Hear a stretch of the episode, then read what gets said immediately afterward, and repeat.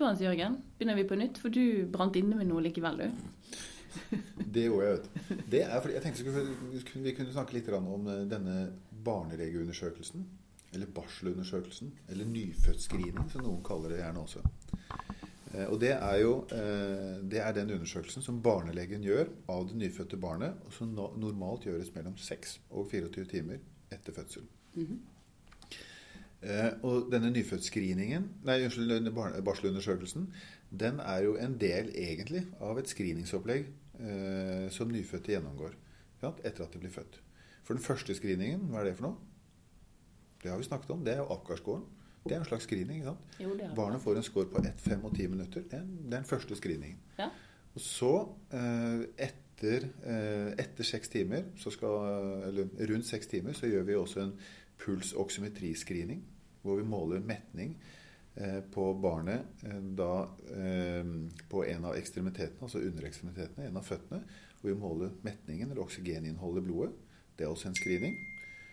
Og så gjør vi denne barnelegeundersøkelsen, som definitivt er en screening. og Den kommer jeg tilbake til. Og ikke nok med det, men vi gjør også en hørselscreening -hmm. før barna reiser hjem fra avdelingen. Og i tillegg til det så gjør vi nyfødtscreening, som er en blodprøve som tas etter 48 timer. Så det er altså en god del screeninger som nyfødte går gjennom før de er klarert ut etter fødselen.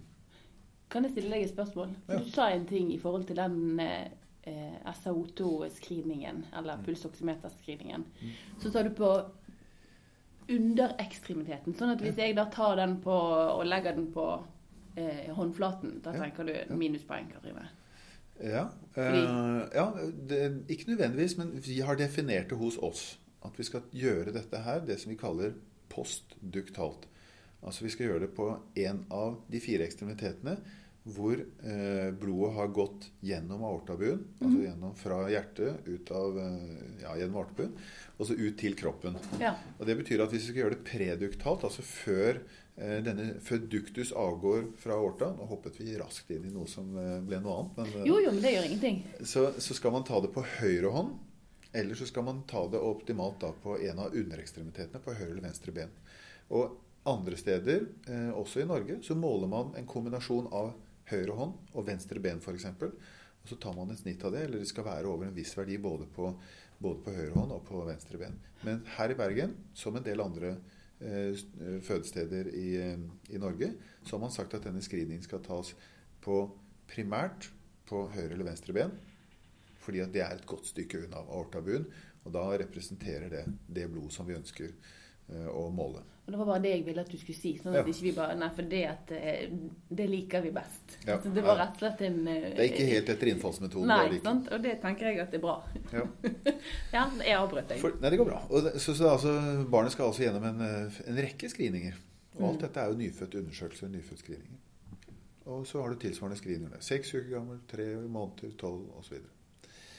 Ålreit. Barnelegeundersøkelsen, hva er det vi gjør der? Jo, eh, det, er en undersøkelse hvor barnet skal undersøkes fullt avkledd. Og det betyr at eh, i det rommet hvor vi er, da bør det være en fornuftig temperatur. Mm. Og fornuftig temperatur det er 20 grader eller mer. Ja, ikke 30 grader, men rundt 20, par og 20 grader. Eh, og eh, her skal det være mulighet for å kunne skifte bleie. Altså at vi har utstyr til det. Vi må kunne vaske og tørre og sånn. Eh, og så det, skal det være utstyr sånn at vi kan skifte rent for hver ny, nytt barn vi ser. Mhm. I tillegg til å være maske, vaskemuligheter for vi som gjør undersøkelsen. Og så må det selvfølgelig også være utstyret. Og da er det et stetoskop, en spatel og et oftalmoskop eh, som vi bruker for å se i øynene på hos barnet. kommer jeg tilbake til. Ja, og du, Grunnen til at du sier disse tingene, er jo at eh, sant, du sier at det skal være varmt og stabil temperatur. Og Hvis jeg da skal hjelpe deg og hele tiden sier å ja, det skulle jeg akkurat til å hente, så må jeg løpe For det første så forlenger vi undersøkelsen, og for det andre så slipper jeg ut varmen hver gang jeg må løpe ut, for at jeg ikke har på en måte eh, forberedt eh, Og det er jo ikke sånn at du kommer dumpende inn på, på varselavdelingen helt tilfeldig. Jeg vet jo at du kommer. Så- Og det er det vi kommer jo hver morgen. Ja. Kommer gjerne sånn ved halv ni-tiden. Og da vet du at da blir vi på det rommet til vi er ferdig. Så alt dette må være her. Mm. Så, så det rommet skal kunne, med andre ord, skal kunne lukkes av. Mm. Vi skal skjerme for støy, for fall i temperatur. Og så skal det også være, skal det være mulighet for at begge foreldrene kan være der, og det at de skal kunne sitte også. Det er ikke alle mødre som vil sitte, Det er heller ikke alle mødre som vil stå. Eh, det, ja, det, Ja. det finner du ut av. Det skal i hvert fall være mulighet for, for å sitte. Um, og så, så er det jo sånn at eh, jordmor, så langt det er mulig, skal være til stede også. Eh, også kunne hjelpe med logistikken, men også kunne fortelle litt om det er noe vi må vite om barnet, eller kanskje om mammaen. Mm. Av og til kan det være travelt, og det hender, eh, hender eh, av og til at, at barnelegen tar for seg og ordner det meste selv. Kan til og med gå rundt fra rom til rom, og kanskje er det fremtidens barselundersøkelse. At vi går rundt fra rom til rom der hvor mor og barn er. Foreløpig er det ikke slik. Nei. Eh, denne barnelegesundersøkelsen vi skal snakke om nå, den kan eh, ta kort tid, og den kan ta lang tid. Og det vil ofte være litt avhengig av hva man finner, men ikke minst den som undersøker.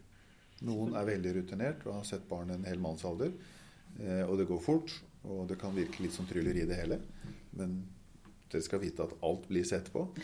Eh, og noen kan bruke fryktelig lang tid både på å gjøre ting og vurdere ting. Eh, og der er vi litt forskjellige. Mm. Det viktigste tenker jeg, det er at man gjør en skikkelig og systematisk og, eh, og rutinert undersøkelse som er bra og enkelt og ubehag nei, ikke ubehagelig for barnet. Og også som gir mening for foreldrene, at foreldrene blir trygget på at nå er barnet gjennomundersøkt, nå er det trygt å reise hjem. At de er komfortable og, og, og klare for å kunne være tre som skal dra hjem. Mm.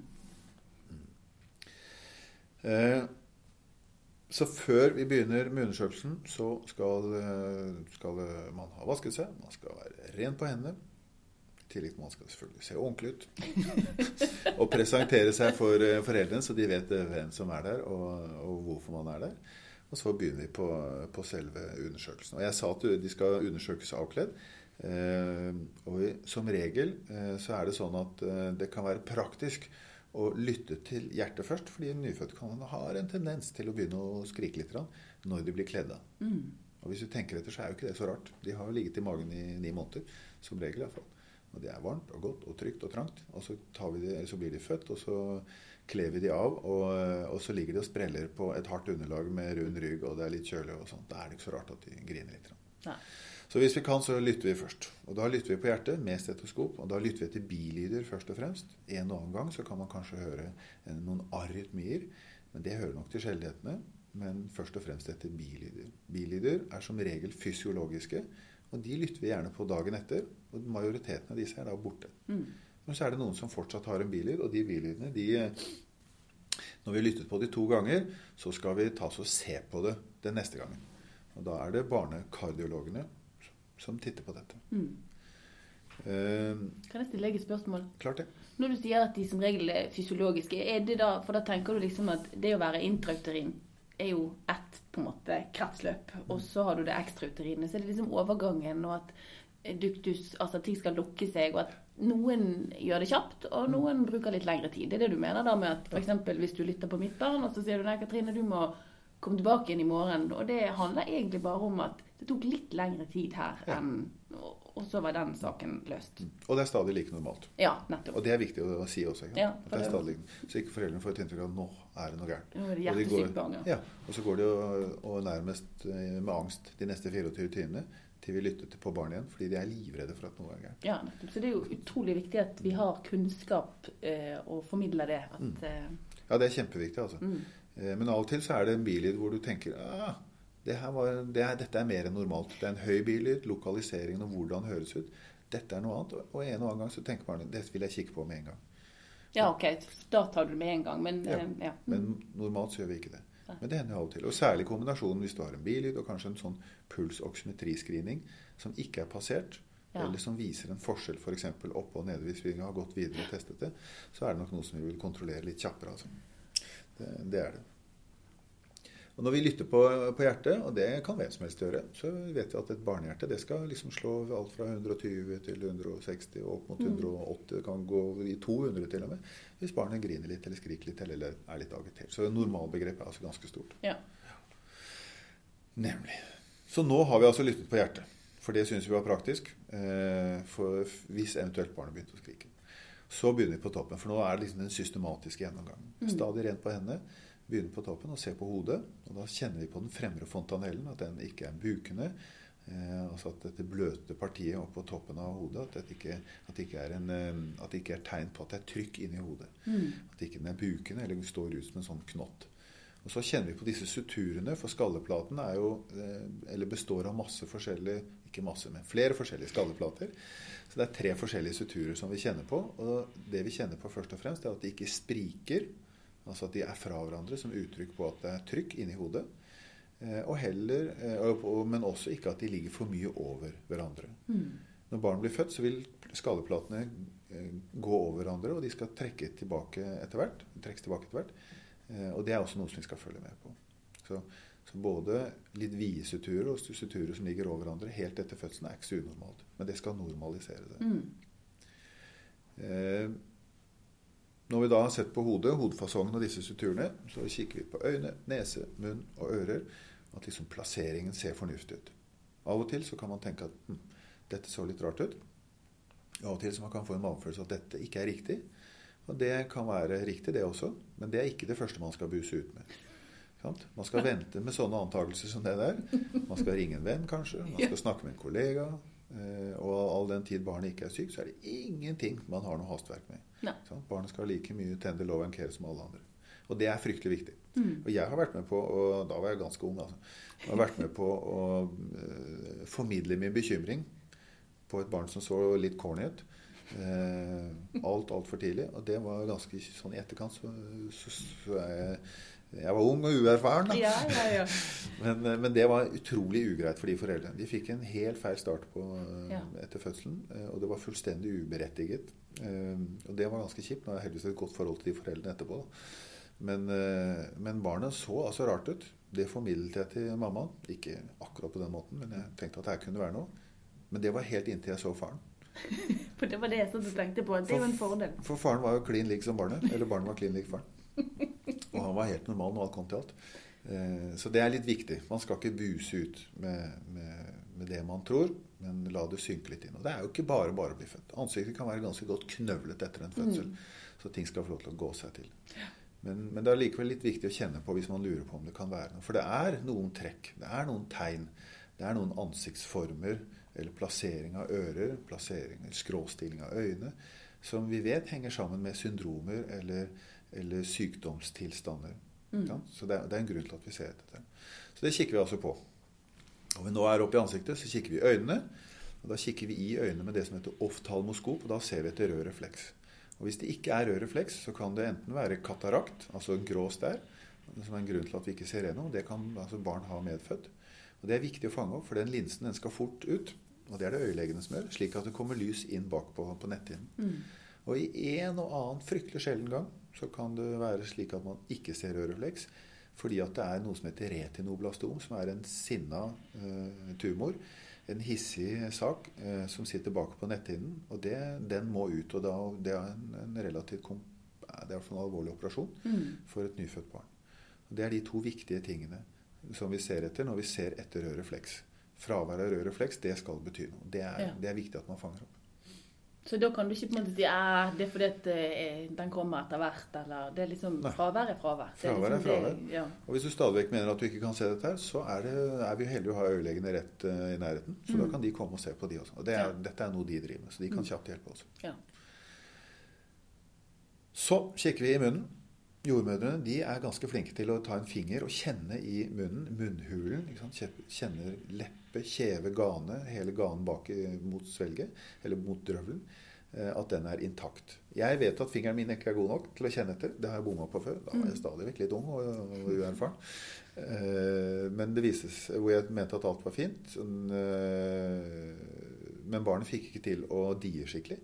Og så måtte jeg kikke en gang til dagen etter med spatel og lys, og da så jeg at det var en spalte bak i ganen. Mm. Så de fleste barnelegene i dag de eh, blir instruert i å se i munnen med lys og med spatel, og for å se at leppe, kjeve, gane helt bak til drøvelen, at det er intakt. Ikke bare palpere. Ikke bare kjenne med fingeren, men se. Og da er det noen barn som liksom De brekker seg og syns dette er litt ubehagelig. Men jeg tror det er en grei måte å klarere ut at ting er i orden på. Mm. Og det lærer vi barnelegene opp til, å gjøre det på den måten. Så nå har vi altså sett på hodet, vi har sett på øynene, og vi har sett eh, på munnen. Og da får vi bevege oss litt nedover.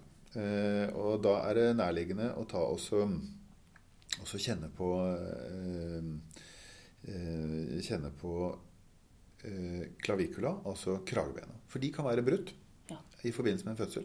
Og det kan, som regel så er det vondt. Men det trenger det ikke å være. Og det er veldig enkelt å ta to fingre når man først er oppe ved hodet og har kjent og sjekket alt dette her. Ta to fingre og nærmest dra langs kragebena på begge sider. Og kjenne om det er, noe, om det er bløtt, eller om det er noe tegn til at det er, eh, er knokket. Men hva gjør du med det, da? Ja, Hva gjør vi med det, da? Det er jo som, sånn at Dette ordner seg som regel helt fint av seg selv. Men det er viktig å være klar over fordi det kan være vondt. Mm. Sånn at eh, mor og barn kan lære seg, og da bruker gjerne fysioterapeutene, eh, for å håndtere dette skånsomt. Og særlig i forbindelse med ammingen. Mm. Og det kan godt være at dette barnet har veldig godt av å få eh, noe Paracet i stumpen. Eh, kanskje de første dagene. Mm. Og det er dumt å skulle sende hjem et barn som bare gråter fordi Ja. det har vondt. Og foreldrene, stakkars, har ikke forstått hvorfor. Fordi ikke vi er flinke nok til å finne ut av, av grunnen. Ja. Så det, det tenker jeg det er, det er viktig. altså. Når vi nå er på selve brysthulen, eller på brystet, så er det eh, så Hvis ikke vi har lyttet på hjertet fra før av, så gjør vi det nå. Eh, for ordens skyld. Eh, og da tenker jeg at eh, eh, nå kan man ta, også ta barnet og prøve å løfte det litt. Altså Dvs. Si, ta tak i hendene til barnet og løfte det opp for å se at barnet har god tonus. Og holder vi en hånd under hodet også, så kan vi slippe barnet litt ned på hodet. Eller mot Nei, det er feil. Ikke ned på hodet. Ned mot hånden min. Sånn at vi prøver å få frem denne moro-refleksen. Og det er mange måter å gjøre det på. Men få frem moro-refleksen, som er et uttrykk for at, at barn har intakte og normale primære reflekser. I hvert fall det som har med armene å gjøre. Og du får også inntrykk av det som jeg sa, med kraft eh, og tonus. Mm. Et barn som er veldig hypotont, vil, eh, når du trekker de armene, ha et, en nakke som nærmest er slapp, og et stort, tungt hode som faller bakover og nærmest bretter seg bak med ryggen. Ja. Noen barn, f.eks. barn med Downs syndrom, de vil gjerne være hypotone. Og da er det veldig tydelig at hodet faller bakover. Det er helt, eh, Så det er jo, eh, bare for å avbryte igjen, eh, Det går veldig bra. eh, lurt å se på en måte Jeg er veldig opptatt av disse sammenhengene. Altså Mm. se på en måte, Da har du på en måte gjort dine observasjoner av ansiktet og kanskje fått noen mistanker. Mm. Eh, Men du sier jo ingenting. Og så kjører du da en på en måte refleks- eller tonuskontroll. Ja. Og så kan du si at ja, det er jo for så vidt den samme. Men fortsatt så holder du vel ganske godt still. Men det er liksom et nytt Ja. Parameter som på en måte ah, det er noe her. Men, men se disse tingene sammen, da. For da kan man jo også si ja, men ja, det var kanskje litt skjeve øyne, men gud hjelpe meg, det var jo kjempegode reflekser og ikke noe spesiell nakke for altså, sant? altså at uh, du ser tingene sammen. Mm. Ja da, det må ses i en sammenheng. Så det er fryktelig viktig. altså. Ehm, og det er klart, når, du, når man er der hvor man har sjekket tonus, du har sjekket kraft, og du får frem morrefleksen, så er det, da har du jo da har du, hånden, nei, du har barnet i hendene. Mm. Og da er det en veldig fin anledning til å liksom, ok, ta et kjapt blikk på fingrene. Er det fire fingre? Nei, det skulle være fem. Ja, godt det var det. Ja. Igjen, har vært med på at uh, jeg har ikke gjort meg noen formeninger om det. Jeg har ikke talt fingre eller tau. Og så er jeg ferdig med undersøkelsen og sier moren du, se her, da. Og så har altså barnet seks fingre på begge hender. Og Ja. det ser altså helt klin normalt ut. Ja. Så det er viktig. For vi må telle opp og nede. Er det fem fingre? Er det fem tær? Er det symmetri i bevegelsene? Er det sånn noenlunde like utslag på begge sider? Igjen, sånn som, du, sånn som vi snakket om i sted, det handler om å få danne seg et inntrykk. Ja, dette, her er, dette er sånn som det skal være. Det er ikke noe mer som, av, sånn, som, eh, som avviker. Nei. Eh, Så det er, det, det er viktig å sjekke. Eh, For det er jo tilstander Nå skal vi ikke gå inn på alt som er gærent, men det er jo tilstander hvor man har ekstra fingeranlegg eh, eller andre, sorry, andre eh, deformiteter eller avvik eh, som gjør at man skal få et litt sånn skjerpet blikk på undersøkelsen. Så barnelegen skal få på egne briller. Finner vi én ting, så kan det være uttrykk for at det er noe annet som er ikke sånn det skal være. Men disse synlige tingene som du nevner nå sant? Altså, La oss si jeg hadde, jeg hadde født i dag og, og hadde et barn med seks eh, fingre. Ville ikke jeg på en måte vært veldig på? Som, altså, merker ikke du at Eller er vi foreldre litt sånn Oi, nå kommer legen, du skal gi meg fasiten. Mm. Hvordan eh, Jo, foreldrene er ganske på. Ja. De fleste har, eh, har kikket godt på barnet sitt i forveien. Ja. Og om ikke du har sett det, så er de veldig tydelige på at ja, se her, da. Ja. Eh, Skal det være sånn? Ja. Eh, Men det er veldig kjekt å kunne ha sett dette i forveien, altså. Ja, men, Men jeg, de er bare, på. Ja, jeg tenker at du, du skal være litt sånn uhildet i din observasjon og ikke jump to conclusions. Men noen ganger så får du informasjon før du har fått startet, nesten. Ja da, og det, og det er helt riktig. Altså. Men så er det ikke sånn at hvis nå barn har et ekstra fingeranlegg på en hånd, og det er det, Mm. det er jo helt normalt. det. Ja. Og det er noen som vi kan gjøre noe med der og da. Hvis det andre, dette fingeranlegget er veldig lite, og vi kan snøre, altså, så kan vi snøre det av. Mm. Bare sette en snor rundt, og så faller den av, akkurat som en navlesnor. Men så er det noen hvor det er helt klart at her må vi ha andre kollegaer til å hjelpe. Kanskje på et litt senere tidspunkt. Mm. Og så er det noen ting som har bare med kosmetikk å gjøre. Eh, og det er noe som vi absolutt ikke skal gjøre noe med nå, men man kan eventuelt gjøre noe med det senere Senere. hvis det skulle være. Hvis det skulle være. Ja. Ja. Nemlig.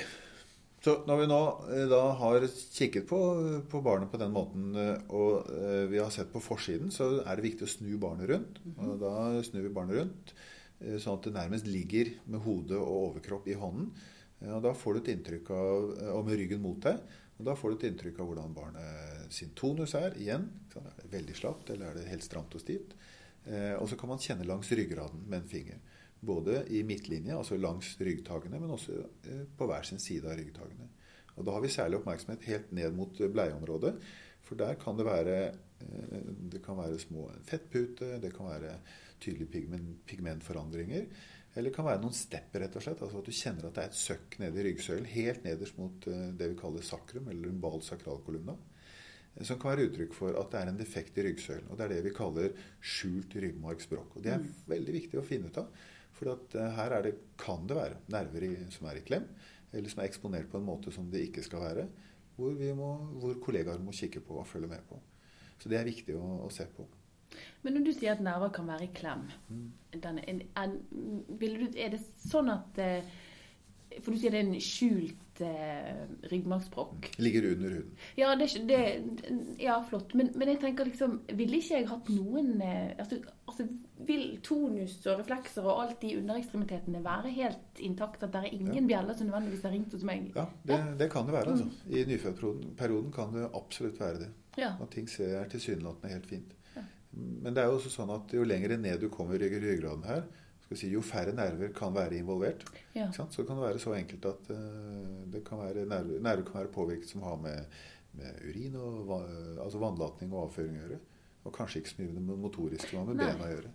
At og, men det er vanskelig å si. Ja. Men det er viktig å fange det opp for å kunne følge med på det. Ja, og så er det viktig på en måte å ha den kunnskapen, sånn at du ikke på en måte sier at nei, her er det ingenting, fordi det er ingen utslag i, i underekstremitetene. Sånn at det ikke er så enkelt å diagnostisere et uh, ryggmargsbrokk. Ja. Det er sant. Og så er det en ting til som er viktig. Ja. Akkurat når vi, har, når vi har snudd barna og ser på dem på ryggen, sånn som vi snakket om nå. Og det er, det er disse barna som har foreldre, én eller begge, som kan være fra Afrika, Asia, Midtøsten eller et eller annet sted, hvor, eh, hvor, med, eller med en etnisitet hvor de er mørkere i hudfargen enn i hvert fall det du og jeg er. Ja. Sant? Eh, Og det er viktig, fordi disse barna de er gjerne født med noen mørkere flekker på ryggen. Og det kaller vi mongolflekker. Og disse mongolflekkene, det er helt normalt. De skal være der. De vil forsvinne.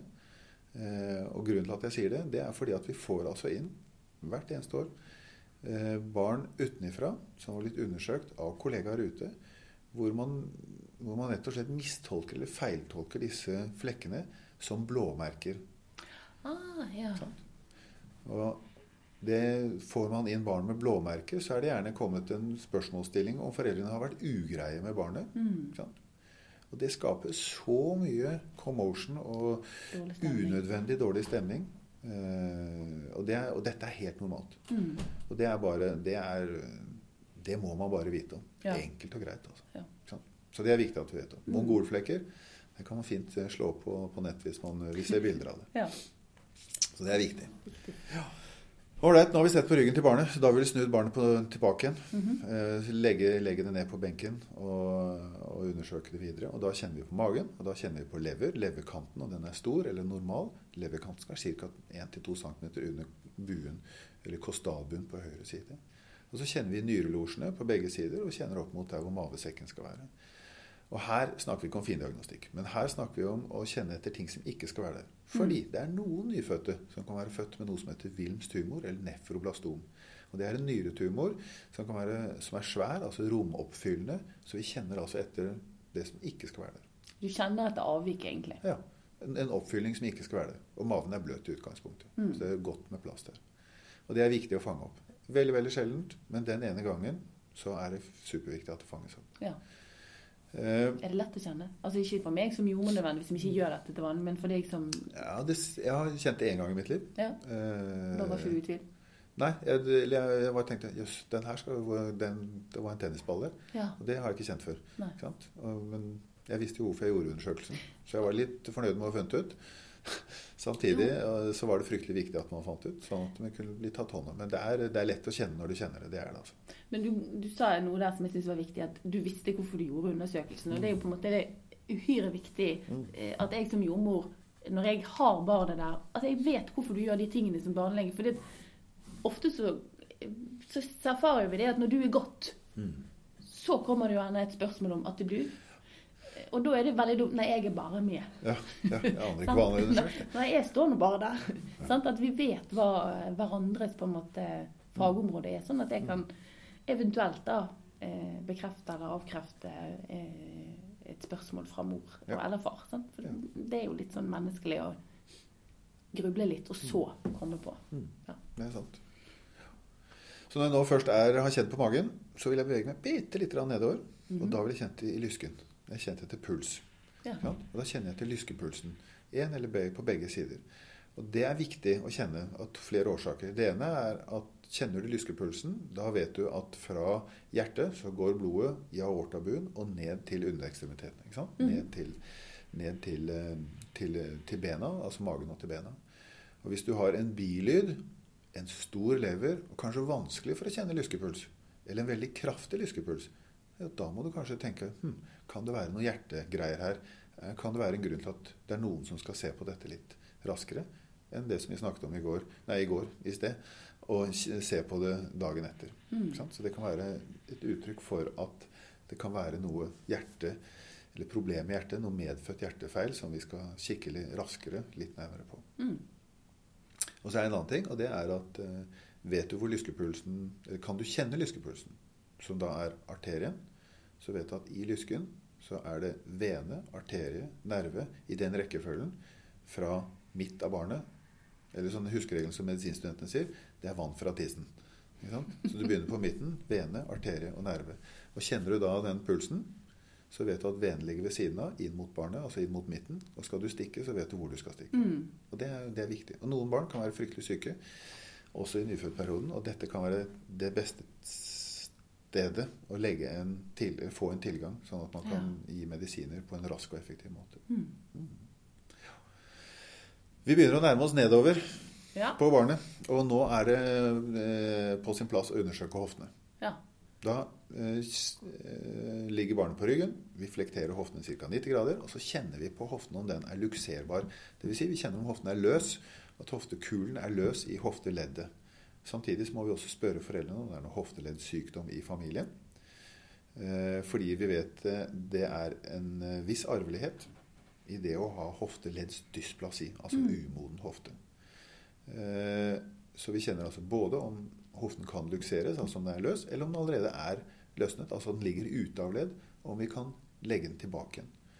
Det er to, to forskjellige tester som vi gjør. og Det er også fryktelig viktig å fange opp, fordi at behandlingen er veldig enkel. Disse barna legges i pute behandles i tre måneder. Følges opp på nyfødtpoliklinikken for det. Og er en veldig enkel, nei, en veldig enkel behandling som gir livslangt gode, normale hofter. Mens uoppdaget så vil dette være hofter som må skiftes ved tenåringsalder. Men bare sånn et kjapt spørsmål, da.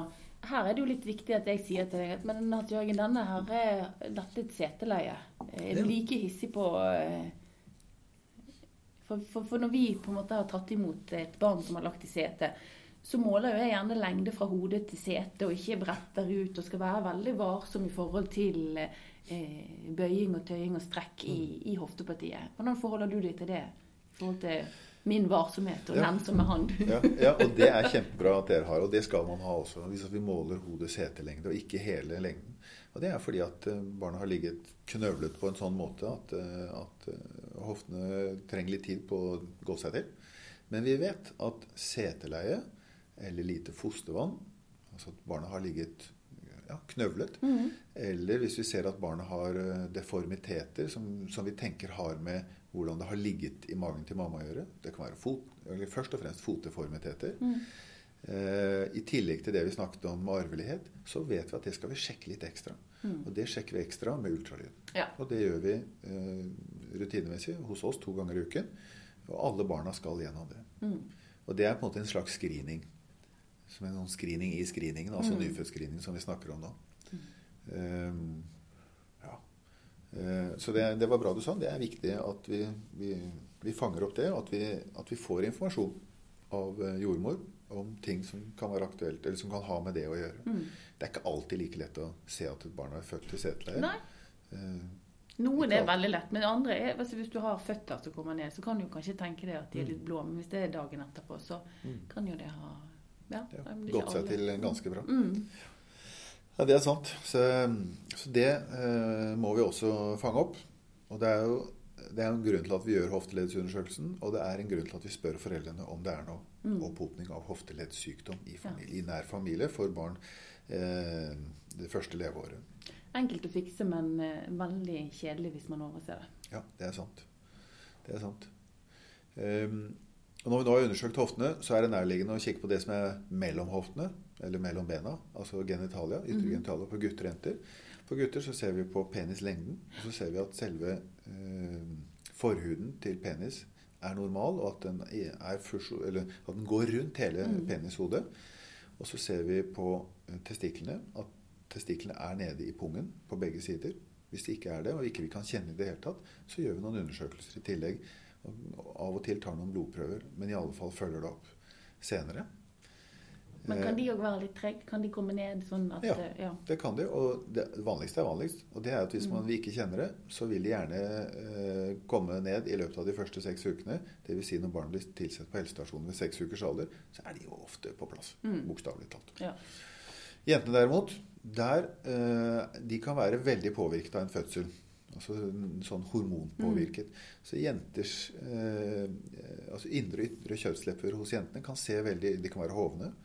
Eh, og det kan se litt sånn dis- eller uproporsjonalt ut. Og av og til så kan klitoris være eh, forstørret, hvor man kan få inntrykk av at den kan kanskje se ut som en liten penis. Eh, og du får kanskje et inntrykk av at Eller du er ikke helt sikker på hva du har med å gjøre. Kan det være en gutt, eller kan det være en jente? Ja. Eh, og da er det nok, skal man passe seg litt for hva med ordbruken sin. ja. Det er viktig å snakke om, da, om barna, og ikke han eller hun, hvis du virkelig er usikker. Eh, og si at eh, dette her skal få lov til å gå seg til litt. Vi skal kikke igjen på barnet i morgen. Og da vil de aller, aller fleste tilfellene, hvis man er usikker, så har dette gått seg helt fint til. ja. Så kraftig hormonell påvirkning Mm. eh, pga. fødsel og, og, og, mors eh, hormoner. Ja. Viktig å formidle til eh, Ja. en bekymret mamma og Ja. Og det er stadig like normalt. Ja. Sant? Eh, Men det er en og annen gang hvor du faktisk ikke kan si om det er en gutt eller jente. Mm. Hvor du er helt reelt i tvil. Og kollegaene dine er i tvil også. Det er jo viktig at der man er i tvil, at man snakker med en venn. Eh, Men at det er flere som er i tvil. Og da er det sånn at i Bergen og i Oslo, altså på Rikshospitalet, det er de to sentrene i Norge som tar imot denne type problemstillinger. Eh, Og det heter Differential Differentiation of Sex eh, Development, SD Nei, det ble feil. ja. Samme det. Eh, hvor vi, hvor vi eh, håndterer eh, og utreder disse barna. For det er en relativt nøysom prosess som har både med, med bildiagnostikk å gjøre, med blodprøver eh, og, og kromosomprøver å gjøre. Altså en utredning som er viktig å få på plass. Og det skal gjøres skikkelig eh, i en riktig rekkefølge. ja. Nemlig. Og nå, nå har vi vært gjennom nesten alt sammen. Men det er én ting som mangler. Husker du hva det var? Nei Det er én ting vi ikke har kikket på ennå. er det? Altså, For det er ikke beina du snakker om nå. Jeg bare tenker urin og avføring. Eh, Ja. Endetarm tenkte jeg liksom at du kanskje ikke hadde vært så hissig på akkurat ennå. Det var akkurat det jeg Det er helt riktig. Det var ikke det jeg har vært så hissig på. For jeg slutter iallfall med min undersøkelse stort sett alltid med å se at det er et, en anus, rett og slett. At det er et hull i bunn. Eh, og jeg ser ikke, men jeg tar også kjenner litt også. Og jeg, I den forstand at jeg pleier å bare sprike litt rundt selve eh, endetarmsåpningen for å si at det er et hull, og ikke bare det ser ut som det er et hull der. Og i løpet av min karriere har jeg absolutt fanget opp noen sånne eh, analatresier, altså at det ikke er hull. Eh, det er ikke veldig vanlig, men det forekommer. Eh, og det er fryktelig viktig å fange opp. Fordi Hvis det ikke er hull i bunnen, så er det litt problematisk hvis man begynner å helle, eller fortsetter å helle på mat fra toppen. Fordi barna kan bli litt, eh, de får litt ubehagelig, for å si det mildt. litt Stappa, ja. Ja, Og da må man rett og slett til Oslo. Men da må jeg stille deg et spørsmål igjen. Fordi jeg tar jo alltid en temperatur av barnet eh, de første to timene etter, etter fødsel. Og, og vi bruker jo det som en sånn liten sånn pekepinn på nettopp For vi gjør jo en, Ja. en form for de samme undersøkelsene. Ikke like systematisk og ikke, ikke like omfattende. Men, men det at jeg tar temperaturen, er jo ikke nødvendigvis bare fordi at jeg ønsker et, eh, en temperatur, men også for å se at det er en åpning. Kan jeg bli lurt? Ja, det kan du også. Ja. Og det viser det seg at det, det gjør dere. Men det er ikke ofte. Nei, men Sant? De aller aller fleste gangene, hvis man får et tempo, termometer inn, særlig med den, den delen av termometeret som, eh, som er av metall, ikke sant? Hvor du skal, som måler temperaturen, så er det en rimelig god indikasjon på at her er det helt normalt. Ja. Eh, og jeg kan ikke snakke om de, som, de barna som jeg har sett, som har hatt analatresi, om hvordan den temperaturmålingen har vært gjort før. Nei. Men jeg vet iallfall at her var det ikke hull hos Nei. disse barna. Eh, så og det er kanskje av og til så tar man ikke en anal- eller temperatur eh, baktil, men at man tar det under eh, armen. Ja. Eh, det, er ikke, det, er sånn, det er nok ikke sånn det foregår her. Altså, eller ikke mm, sånn det foregår på barsel, for jeg tror de aller fleste tar det i, i endetarmen. Eh, men til tross for det, vi kan altså bli lurt, selv om Ja. ikke det er det vanlige. Mm. Nei, men Det er liksom viktig å huske på at, mm. at man liksom, det er ikke nøye, fordi at det har jeg sjekket. Ja. Altså, Ja det kan, eh, Nei, det, det, det skal sjekkes, altså. Det skal det. Og en og annen gang så, så har vi barn med analatresi. Men dette er ikke vanlig forekommende. Nei. Det er det ikke, altså. ja. Ja, Da tror jeg vi har vært eh, gjennom, eh, gjennom selve den barnelegeundersøkelsen. Jeg tenker det er, eh, det, er, det, er, det er noen ting som er viktig eh, når vi har vært gjennom. Det er å formidle til foreldrene at dette er en normal undersøkelse. Dette er sånn som vi ser det, så er det en fin undersøkelse av et friskt og fint barn. Og kanskje formidle denne hørseltesten og nyfødtscreening som de skal ta litt senere. Si at det skal gjøres også.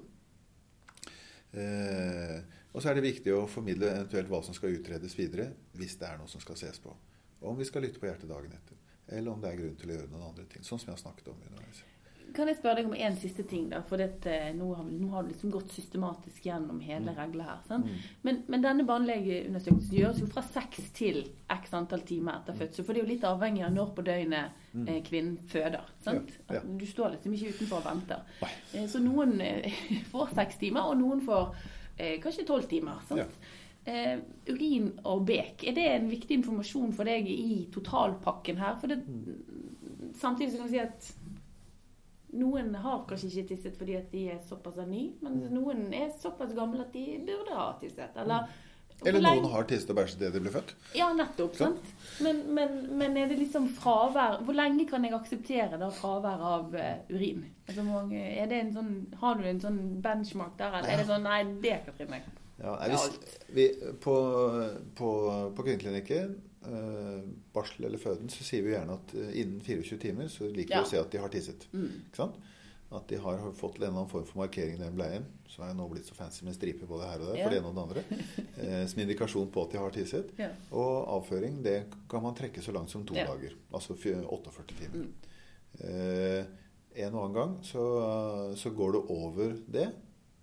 Dvs. Si etter to døgn med avføring. Mm. Stadig like normalt. Men det er klart, da er, skal gjerne barnelegen bli involvert, og så skal man ha et litt skjerpet blikk for å, Ja.